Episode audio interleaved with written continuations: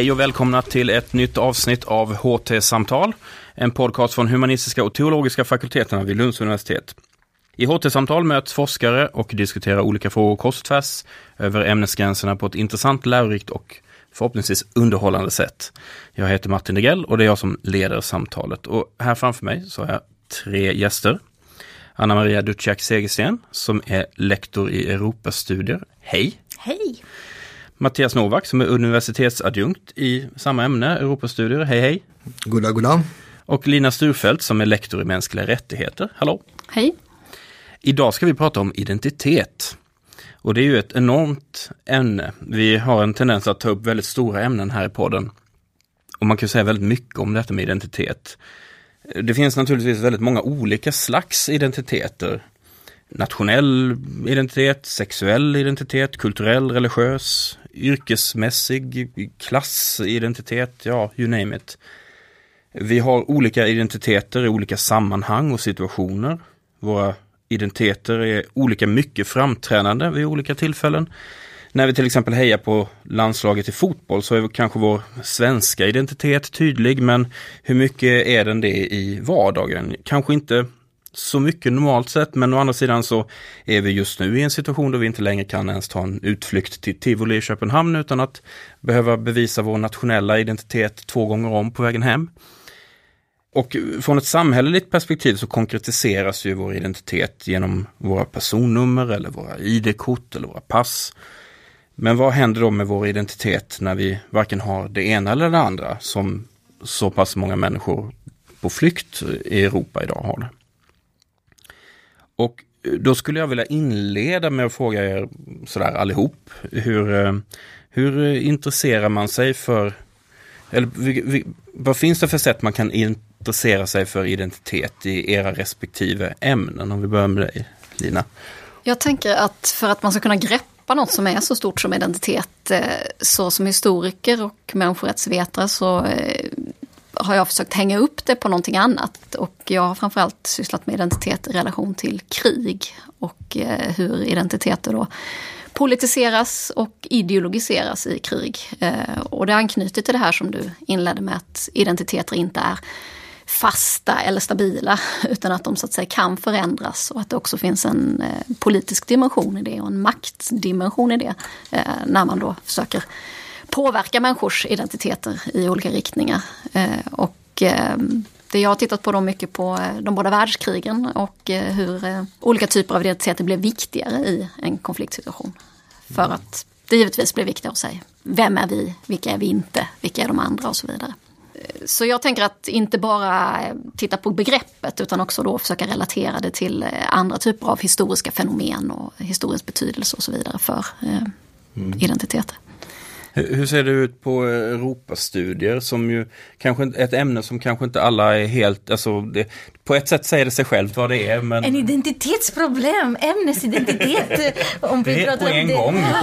vi dyker in direkt. Um, Europastudier är en multidisciplinärt ämne uh, och på det sättet har vi en multipel identitet från början. Så jag är statsvetare, uh, Mattias min kollega här är både statsvetare och kulturvetare på något sätt och vi har historiker, etnografer och andra uh, discipliner representerade i vår forskning och undervisningskår så att säga. Eh, själv är jag som sagt statsvetare men har ett intresse förstås för det humanistiska eh, och har utvecklat ett intresse just för identitet genom att studera etnicitet. Eh, och lite grann i, samma, i samma anda som, som du har jag varit intresserad av konflikter runt identitet. På vilket sätt identiteter aktiveras, blir mer synliga i några omständigheter och oftast dessa omständigheter är problematiska eller konfliktuella. Så jag har skrivit lite grann om, uh, om minoritetsidentitetsfrågor, till exempel de uh, som uh, kommer från den etniska gruppen uh, Sekei, en, en typ av ungrare i, i Transylvanien. Sen har jag skrivit om Balkan och Rumänien och Serbien som territorier för olika identiteter har blivit politiserade på olika sätt. Och nu intresserar jag mig för den transnationella europeiska identiteten. Och i alla dessa fall är jag intresserad i konflikterna som uppstår mellan nya och gamla identiteter och den här fluxen, dynamiken mellan olika definitioner av det kollektiva vi. Mm. Och hur ser det ut från din horisont då Mattias? Jag tänker väldigt mycket i olika nivåer, alltså det lokala, det regionala, det nationella och det supranationella eller med andra ord det överstatliga. För att någonstans så eh, jobbar vi ganska mycket med att kartlägga hur uh, olika politiska intressen, hur, hur olika um, identiteter också, det hänger ihop, hur politisk makt flyttar mellan olika nivåer. Och det är någonstans där som Europastudier tror jag uh, kommer in i bilden. Ni känner ju till diverse politiska aktörer och andra som säger att ja, för mycket makt har flyttats till, från Stockholm till Bryssel. Och betyder detta att eh, vi håller på att förlora vår svenska identitet samtidigt som vi håller på att ha en allt starkare europeisk identitet? Så behöver inte, det inte alls vara. Eh, dock är identitetsbegreppet alltid närvarande. Identitetsbegreppet har ju faktiskt väldigt stark koppling till eh, det politiska. Inte minst med tanke på att man, det som ni redan var inne på, man kan med hjälp av identiteter mobilisera stora folkmassor till att göra väldigt många olika saker, både goda saker och ibland mycket onda saker. Vi, vi jobbar just med de här olika um, nivåer och eh, oftast fokuserar man på um, den nationella och den överstatliga nivån. Men jag brukar påpeka att det är rätt viktigt att inte glömma den regionala nivån. Inte minst med tanke på att vi i dagens Europa har så kallade euroregioner. Vi befinner oss just nu i en så kallad euroregion, det vill säga Öresundsregionen de är transnationella. Eh, Öresundsregionen, den är ju lika dansk som den är svensk. Det finns eh, euroregioner på gränsen mellan Frankrike och Italien. De är lika franska som de är italienska. Så eh, Ibland så har jag en känsla att, att, när man talar om den pågående europeiska integrationsprocessen så är det väldigt mycket Bryssel och Strasbourg eh, och, och Luxemburg i, fo i, fokus. Det är viktigt att titta på eh, dessa städer och europeiska institutioner som finns där. Men den europeiska integrationsprocessens konsekvenser även kulturella konsekvenser, vilka kan då kopplas med eh, begreppet identitet. De kan vi hitta eh, i många många delar av eh, Europa, småbyar i Spanien, eh, Tornedalen i Sverige, östra Polen etc. etc. Så att det finns sådana här spillover-effekter, eh, vilket faktiskt är också kopplat till, till det man kallar för den Europeiska unionens kulturpolitik som syftar till att skapa eh, eller förstärka en svag europeisk eh, identitet. Finns det någon föreställning om eh, så att säga hur många identiteter man kan ha. Alltså hur, hur många hattar kan man ha på sig samtidigt? Eller är det liksom, är det där en, en, en sorts vanföreställning i så fall? För att eh, du var ju inne på det lite grann det här med att eh, det är ju inte så att eh, det ena tar ut det andra utan det kan ju lika väl existera samtidigt. Precis som jag sa inledningsvis här, att man har de olika identiteterna framträder ju liksom olika mycket vid olika tillfällen känns det som. Ja, det finns omständigheter, eller hur? Ja, de är ju situationsbundna som vi var inne på, Precis. tänker jag inledningsvis. på något. Man kanske inte har alla hattarna på sig samtidigt, utan man kanske byter dem, lägger Precis. ner dem på bordet och tar upp en ny. Eh, tänker jag, men jag tycker det är intressant det ni båda säger.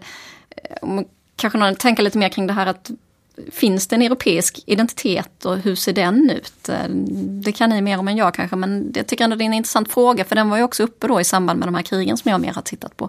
Eh, och man hör ju ofta att det här bara är, som du sa, en politisk konstruktion ovanifrån. Någonting man vill ska finnas snarare än någonting som finns. Eh, du var också lite inne på det. Ja, det, ja. faktiskt det har varit eh, någonting som man har studerat, eh, inte jag personligen men andra inom Europa studier man tänker på hur uh, olika stora konflikter, inklusive det första världskriget till mm. exempel, mm. har blivit kommemorerat. Hur vi minns det här största, största kriget som européerna har varit inblandade i. Och vi minns det på ett europeiskt Eh, sätt på en europeisk nivå.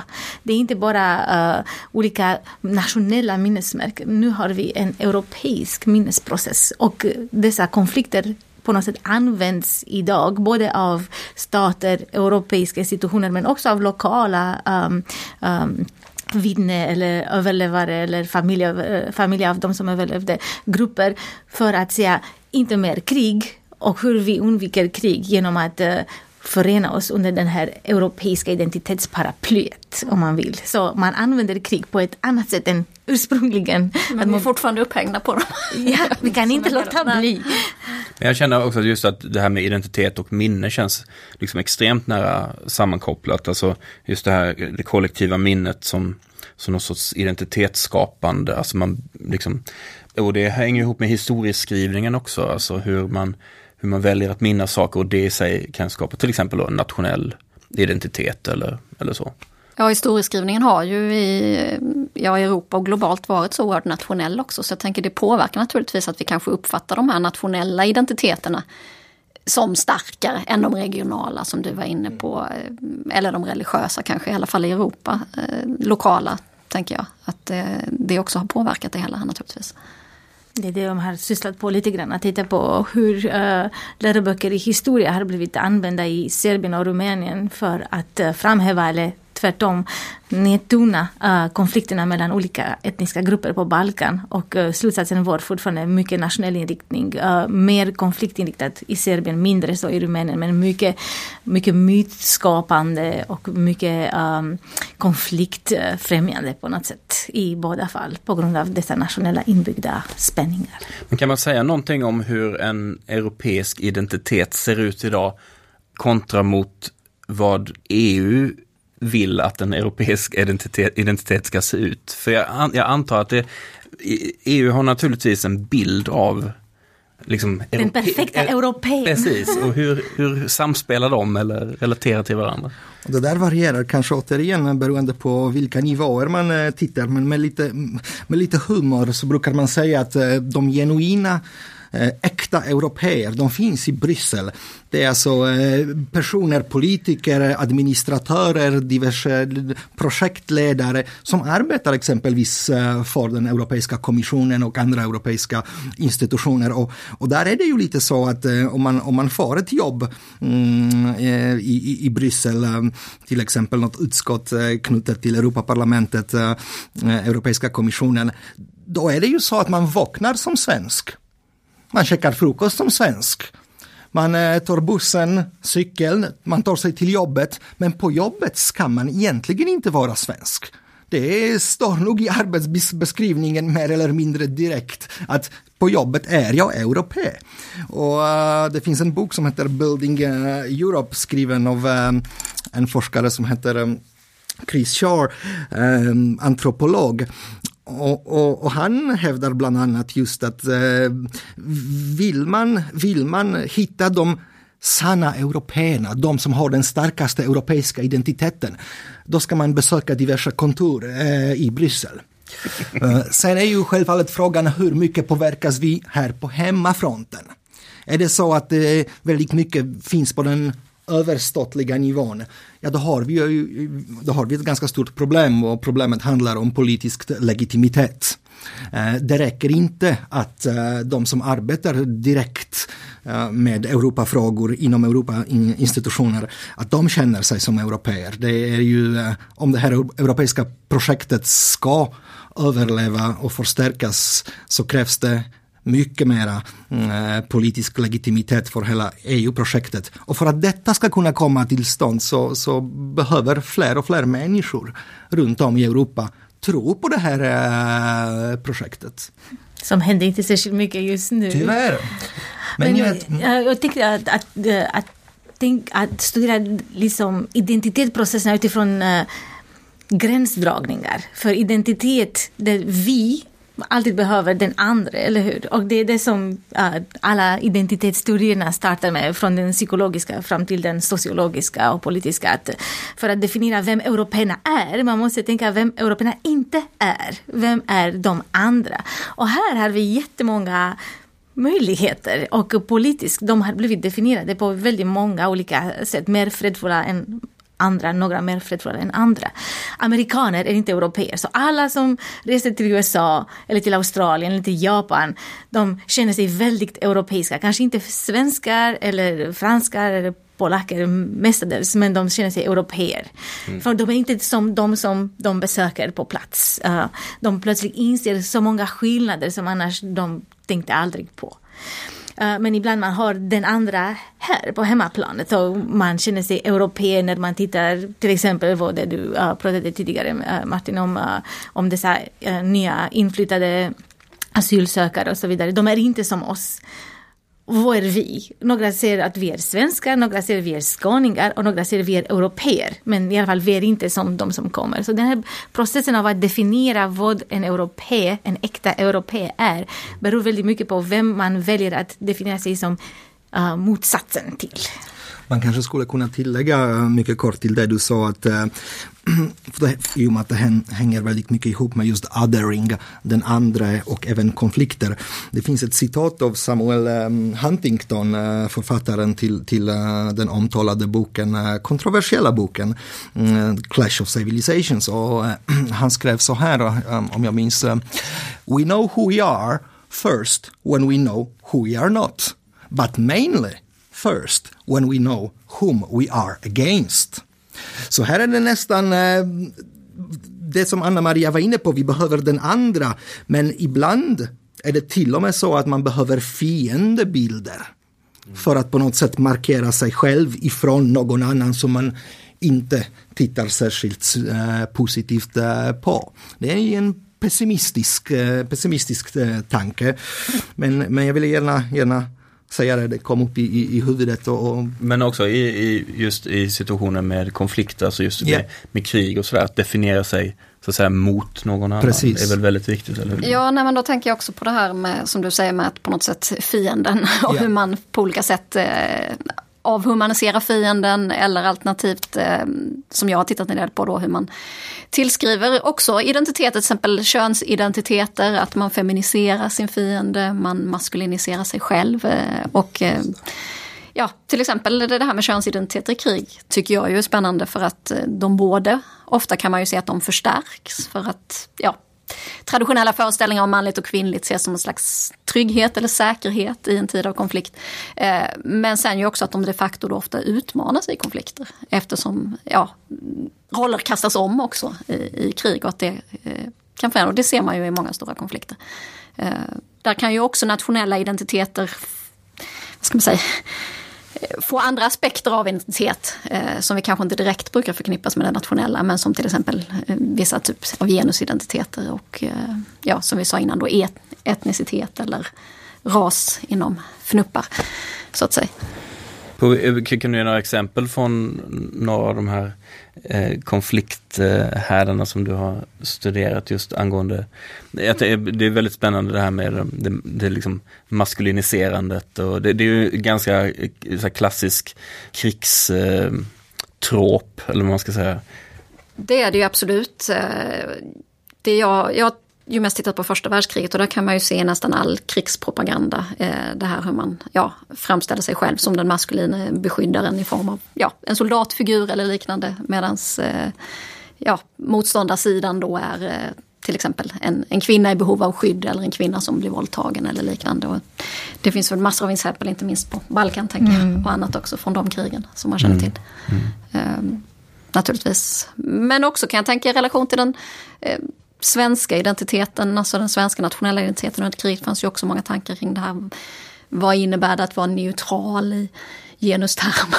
Vi kan prata så. Är det, är, det, är det maskuliniserande eller är det feminiserande och sådär. Så den här föreställningen om nationen också som på något sätt könad. Eh, där ju det maskulina då traditionellt sett har haft högre status än det feminina också naturligtvis. Mm. Just i krig och konflikter där är det också intressant med en slags dikotomi motsatsbar mellan den så kallade politiska eh, identiteten, nationella identiteten och den etniska, etnolingvistiska identiteten. Och det här handlar lite om eh, hur man eh, definierar tillhörighet till den nationella gemenskapen. Eh, konkret sagt, vem är svensk? Är man svensk om man är eh, medborgare i den svenska staten? Är det, är det, är det medborgarskapet, den juridiskt politiska, politiska dimensionen som är det viktigaste? Eller handlar det mer om eh, det strikt kulturella, etnicitet, språk, religion etc. Man ska kunna svenska, man ska vara medlem i Svenska kyrkan etc. etc, etc. Och eh, den här motsättningen finns ju i, i olika länder på lite olika sätt. Tänker man USA, den amerikanska eh, historien, så har ju den politiskt juridiska konceptualiseringen varit eh, mera mer dominerande än, än i vissa länder i Europa. Dock mycket stor äh, variation även inom Europa, till exempel om man jämför mm, Frankrike och Ryssland där Frankrike står just för den här moderna politiska synen där, där eh, med, medborgarskapet är, är viktigt. Ett sekulärt land och i Ryssland men även andra länder i Östeuropa. Där tänker man eh, på ett, på ett mer etnolingvistiskt eh, sätt. Och kanske är det så att de problem som vi, som vi möter idag vad gäller flyktingskatastrofen och, och det att vissa länder inte vill ta emot eh, konflikter, eh, ta emot flyktingar, förlåt, kan ju faktiskt bottna i att man har lite olika syn på vad den nationella gemenskapen är i grunden och när och för vilka den ska öppnas. Samtidigt tänker jag att det flyter ihop mer och mer. Jag menar i dagens Frankrike till exempel, eh, ja man kan Absolut. ju också se religiösa argument. Absolut. Eller religiösa argument förklädda som sekularism. Precis, eller och det har ju kommit ja, allt. Ja, allt där Burkini-skandalen. Ja, det finns ju alltså många exempel på det. Att, ja. De här akademiska modellerna är all med äran. Absolut, i verkligheten absolut, och speciellt, speciellt i i tider av kris. Ja. Då, då, är det så att uh, sånt som man inte riktigt uh, trodde fanns uh, starkt kommer upp på ytan. Mm. och, och Frankrike i det här fallet, själv, precis som du säger, ett mycket bra exempel. Mm. Men det jag hade lite grann med det du var inne på Martin, ursprungligen när du frågade hur många identiteter kan man ha samtidigt? Man kan ha hur många som helst tror jag. Det finns kanske några psykologer som kan mäta med uh, någon slags säkerhet hur många, men i den så här mer samhällsvetenskapliga, humanistiska uh, andan tror jag det, det är inte någon gräns. Men hur många kan aktiveras samtidigt? Det tror jag inte det är så många som kan vara aktiva i den offentliga uh, samtidigt. Uh, jag tror att de är just politiserade, uh, just mobiliserade under vissa omständigheter som gör dem mer relevanta och mer synliga. Ibland är kön någonting som vi tar för givet, men ibland tar vi inte det när det finns en problematisering eller en medvetande om några problem som har med just den här uh, aspekten av vår identitet. Ibland är det etnicitet, språk, religion, men uh, de alltid är så att säga inne i individen men de är inte aktiverade om man vill på den um, gemensamma kollektiva nivån. Och det är därför det är intressant att studera det, det, här med makt. Vem har möjligheten att påverka? Vilka identiteter är aktiva? Vilka är så kallat passiva, trots att det är kanske fel ord att använda. Och hur många av dessa ja, flyttar upp och ner. Och för mig det är också intressant att tänka varför har det blivit så mycket mer nu att vi gör politik utifrån vem vi är? Det är inte vad vi gör, men vem vi är. Att, eh, att man ska tänka på flyktingar till exempel som en identitetsfråga, de är annorlunda, de ska integreras och, och så vidare. Så det, det på något sätt har att göra med vem de är, inte vad de gör, vad är deras aktiviteter, deras professionella eh, kvalifikationer och så vidare. Men de på något sätt grupperas ihop och etiketteras med en viss uh, etikett som har att göra med vem de ser ut att vara i alla fall. Och det, det kan vara problematiskt tycker jag. Och som forskare tror jag det, jag finner det intressant att just studera um, uh, hur politik och um, allmänt beslutsfattande har blivit mer och mer inriktat på att titta på vem man är istället för det som man gör. Mm. Intressant det du sa just med att man grupperar och sätter etiketter. För vi vet ju att eh, bland eh, de flyktingarna som kommer, eh, som har kommit till Europa, det finns ju folk med väldigt många olika identiteter. Olika nationella identiteter, olika etniska identiteter, olika sexuella identiteter. Mm, men just den här diversiteten framkommer sällan i massmedier utan man talar om, man, precis som du sa, man grupperar. Mm skillnaden just mellan eh, identiteter som vi så att säga själva tar oss eh, kontra identiteter som vi så att säga får eller blir tillskrivna. Det är ju det är väldigt spännande. Men eh, jag tänkte återkoppla att du, du nämnde USA tidigare och, och du har funderat på kan man säga något generellt om hur vi, alltså talar man om identitet på olika sätt, till exempel USA och Europa? Alltså på vilket sätt skiljer sig skiljer sig, det är klart att vi skiljer oss åt, men, men på vilket sätt pratar man om just identitet? Betyder identitet något fundamentalt annorlunda i USA till exempel? Jag tror att eh, identitet betyder inte något fundamentalt annorlunda. Dock använder man mycket annorlunda begreppsapparat när man ska diskutera identiteter överhuvudtaget och när man ska referera till andra begrepp och andra problemområden um, som, som faktiskt är av relevans för identitetsdiskussionen. Uh, jag kan, eh, vad gäller just USA så eh, lyssnade jag på den här debatten mellan Donald Trump och eh, Hillary Clinton. Mm. Just det, jag ska inskjuta att när vi spelar in det här så var det två dagar sedan. Precis, som den väldigt, första debatten mellan de två. Väldigt aktuellt. Och, eh, ganska många minuter ägnades till att diskutera frågan om eh, etnicitet. Och man talade om eh, afroamerikaner eh, som, som är mer diskriminerade än andra grupper. Och, och i USA så använder man begreppet race på ett sätt som vi i Sverige och Europa inte skulle göra. Vi talar ju inte om, om, om oss själva som tillhörande olika raser utan snarare olika etniska bakgrund. Så, ehm, vilket självfallet kan bero på den, den eh, fruktansvärda, och, eh, fruktansvärda tragiska historien eh, som vi har haft i Europa, inte minst i samband med andra världskriget. Men i USA, i USA ah, talar man om, om just etnicitet på, på, ett, på ett lite annorlunda sätt, återigen det där med användning av eh, annorlunda begreppsapparat. Det är det första. Det andra, det är ju eh, kristendomen. Alltså vi, eh, ibland sägs det att eh, Sverige andra skandinaviska länder är de mest sekulariserade länderna i i världen.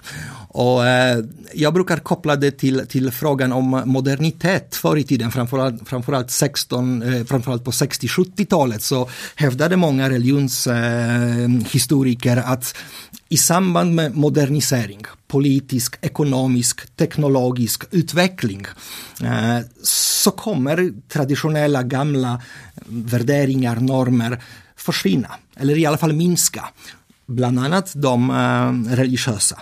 Men tittar man på dagens USA, där kan man vara väldigt välutbildad, eh, ha tillgång till eh, mycket avancerad teknologi, eh, befinna sig, leva ett, ett liv som inte skiljer sig vad gäller levnadsstandard, kunskapsnivå, tillgång till kunskap från, från Europa, även om det självfallet alltid finns diversa skillnader. Men samtidigt så kan man vara djupt religiöst på ett sätt som, som jag kanske inte riktigt uh, hittar um, det i, i i eh, Europa, eller i alla fall med vissa undantag. Där är ju till exempel Polen, Irland, Malta uh, undantag. Mm. Jag tänker att det, ja, det är alltid svårt att se sig själv på något sätt. Eh, svårare att tala om, om, om sin egen identitet. Men ni pratade ju innan, eller vi här, om att det finns också någon slags, kanske mer ändå ja, eh, inte identitetsskräck i Europa, men jag tänker på det här med att försöka skapa någonting europeiskt och, och vad ska man bygga det på. Men eh, också tänker jag, det är ju en klyscha, men man säger ju ofta det här att eh, en del av den svenska identiteten är att man säger att man inte har någon nationell identitet eller att man liksom inte uppfattar sig som, man vill inte uppfattas som nationalistisk i alla fall. Eh, men samtidigt som någon var inne på så är ju inte det säkert att man ser det själv. På vilket sätt är jag svensk? Eh, att det också kan finnas den dimensionen av inte vilja tillskriva sin identitet. Men är det en identitet i sig själv? Ja, det är det ju på något sätt naturligtvis. Mm. Skulle jag säga. Eh, för det är ju kanske en identitet som vill visa då hur att man har passerat det stadiet. Det kristna stadiet i USA eller det nationalistiska stadiet i Europa. Precis. Är man förbi vill man säga kanske med det. Mm. Har ni märkt att eh, i Sverige så är det lite så att när man när man använder begrepp som uh, multikulturalism och uh, etnokulturell mångfald, man syftar väldigt ofta, ibland nästan automatiskt i bland annat vissa massmedier, syftar på invandrare som har kommit hit ganska nyligen och bidragit till att Sverige har blivit mera multikulturellt. Samtidigt så, så är ju eh, den svenska historien vad gäller eh, kulturell mångfald, språklig mångfald mycket mer komplicerad än, än invandring under de senaste 30, 40, 50 åren. Eh, I Sverige har vi fem eh, officiella minoritetsspråk finska, eh, Tornedalsfinska meänkieli, det är romani chip, eh, det är eh, jiddisch och dessa språk har talats i Sverige i minst 200 år. Så um, ja, det, är ganska viktigt. Är det kanske... historielöshet vi pratar om här då kanske? Delvis skulle det vara så, men, men det tror jag inte att det är en historielöshet som finns i den här byggnaden. Jag tror att våra his, his, historiker här uh, kan... Ni kan, som lyssnar behöver inte ta åt det. Histori kan historien, uh, våra minoriteters hi, historia. Uh, men jag brukar alltid i samband med, med um, föreläsningar för våra studenter på A-nivån, många kommer direkt från gymnasiet, så ställer jag frågan hur många av er känner till eh, Sveriges officiella minoritetsspråk? Och svaren varierar väldigt mycket. Och, går jag vidare och säger eh, att skulle någon kunna säga lite mer om eh, samisk historia, kulturhistoria i, i Sverige, i Skandinavien. Det kan variera väldigt mycket med vilka kunskaper man har. Och, och, eh, och man fokuserar ibland mycket mer på, på just de senaste 30, 40, 50 åren invandring, det multikulturella Sverige, ett Sverige som eh, blev multikulturellt på 60-70-talet. Ehm, så där finns det utrymme för så att säga nyanserade diskussioner. Mm. Det är intressant att man, vi pratar här uh, med ett historiskt perspektiv och då kan vi inse hur fluidiska, hur likvida kan man säga identiteter, särskilt dessa nationella kollektiva identiteter är. För man kunde applicera samma etikett som jag sa innan, uh, Sverige eller svensk, men innehållet var totalt annorlunda uh, och referensen, det, här, det andra, var också en annan uh, föreställning. Uh, om man pratade på 1850-talet, på 1960-talet eller på 2010-talet. Mm. Så det är intressant att samma mekanism på något sätt ser ut att fungera men innehållet varierar väldigt mycket. Och det ger hopp till de som tror på en viss transnationalisering av identiteter eftersom mm om vi, om vi ponerar som de flesta gör att identiteter är så här fluida och de skapas ibland uppifrån, ibland uh, i en kombination av upp och ner uh, utbyte.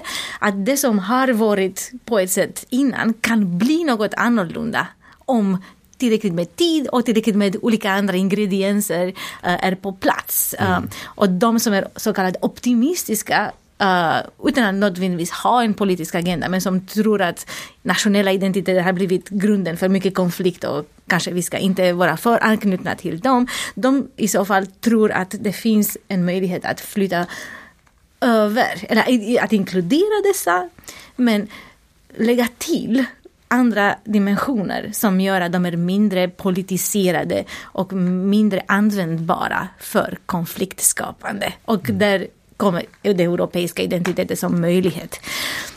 Jag själv är inte så optimistisk att man kan på något sätt koordinera eller eh, ha en, en dirigent som bara säger nu ska vi ha det uppifrån och ner. För det är helt enkelt... Uh, det är väl från båda hållen som du eh, säger. Ja, jag, att. Man kan inte bara liksom heller påtvinga någon identitet. Det måste ju finnas någon form av genklang också underifrån i familjer eller i civilsamhället eller någon som... Det måste vara också kanske grundat i någon erfarenhet. Ja. Uh, I en direkt upplevt identitetsskapande liv. Om man, om man bor bara på ett ställe och har ingen kontakt med en annan värld, den som är den lokala, kan jag föreställa mig historiskt att det var så fallet på många ställen inom Europa. Då hade man byns identitet eller regionens identitet och mer kunde man eh, så att säga, utviga sin horisont både genom att resa eller att få information eh, uppifrån.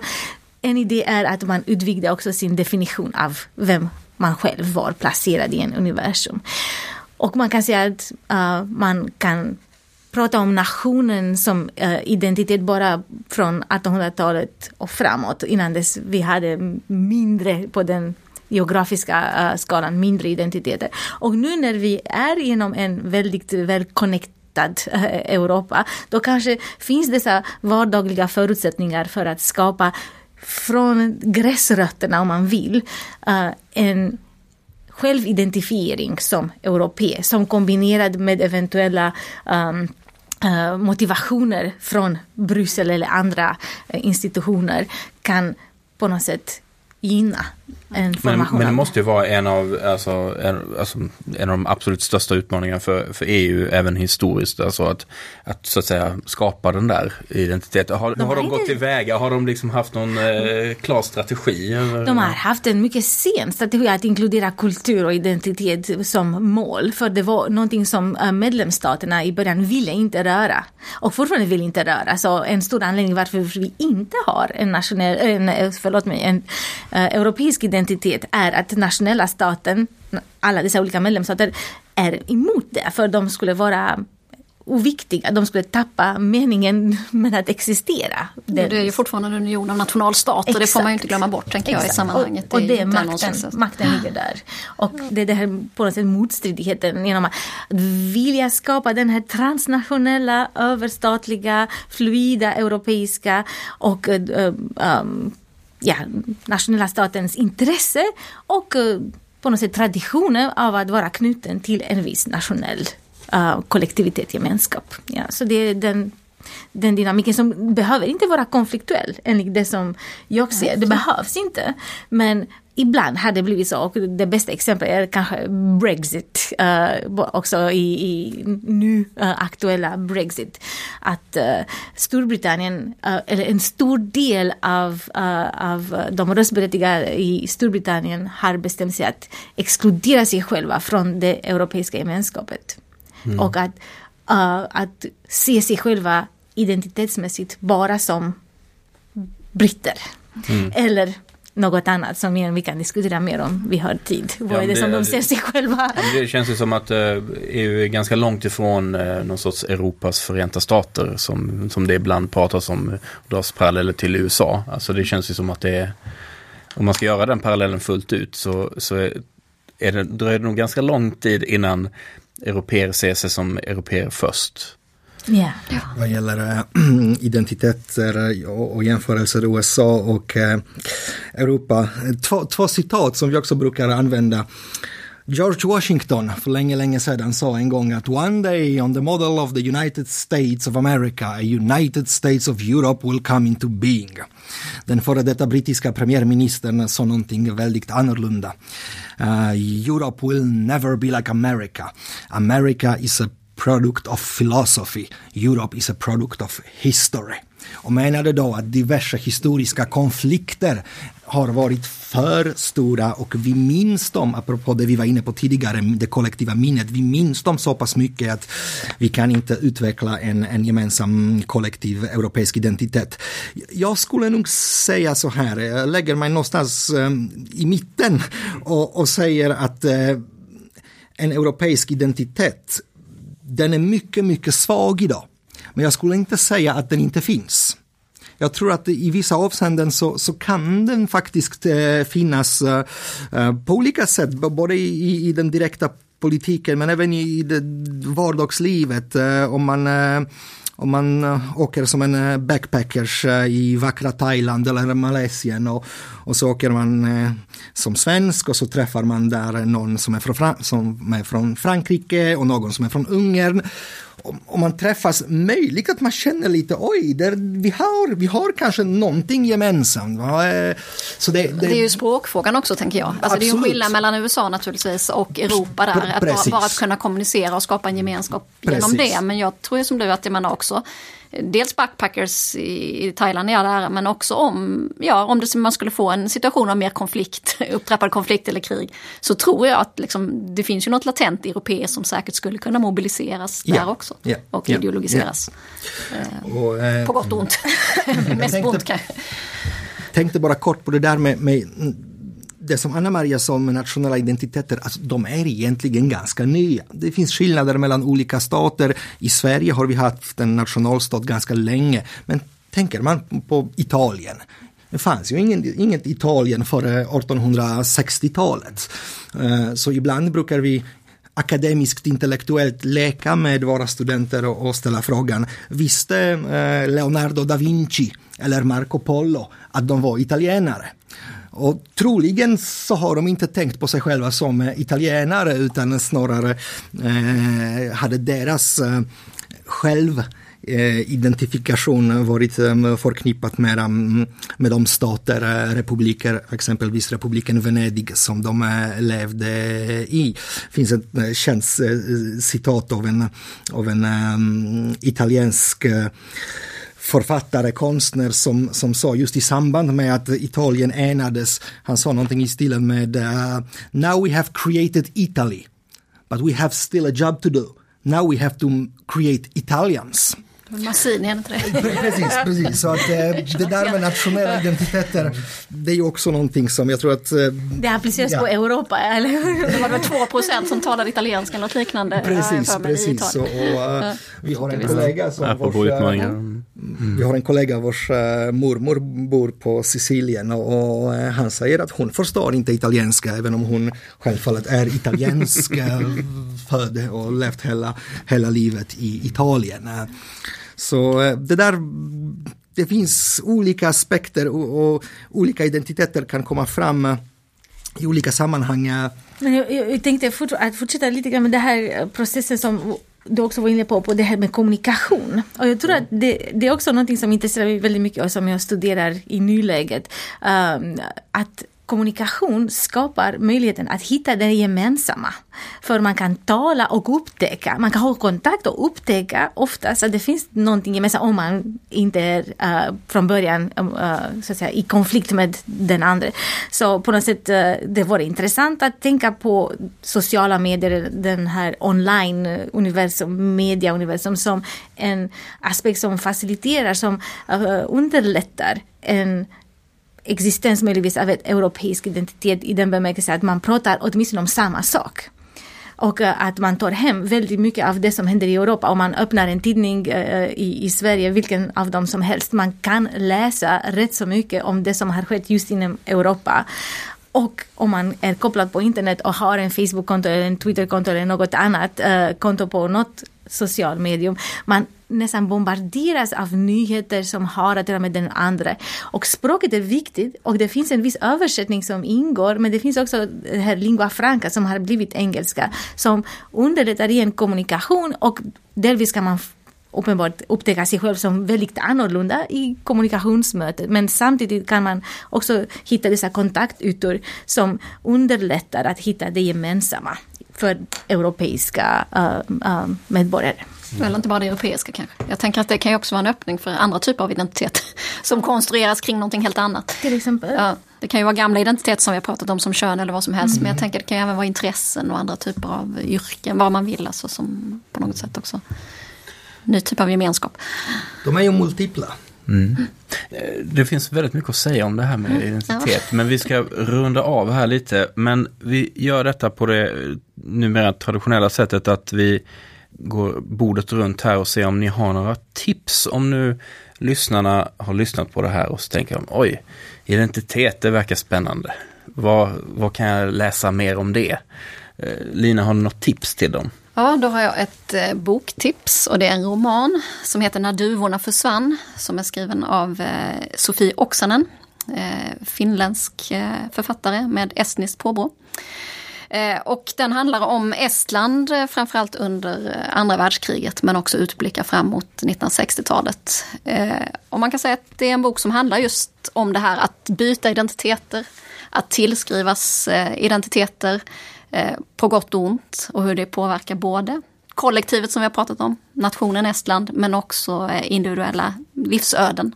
Och framförallt är det en man som då så att säga hela tiden byter namn, byter historia, byter identitet efter de eh, politiska konjunkturerna skulle man kunna säga. Och också för att överleva. De politiska men också de privata konjunkturerna. Så att eh, han skriver om sin egen historia, han skriver om eh, sina vänner och släktingars och fienders historia. Mm. Eh, på olika sätt. Så att, eh, den skulle jag rekommendera. Mm. Tack för det tipset. Anna-Maria, har du något? Jag har med mig en bok som eh, är författad av Thomas Riese, en tysk professor titeln säger rätt så mycket. Det heter A Community of Europeans? Frågetecken.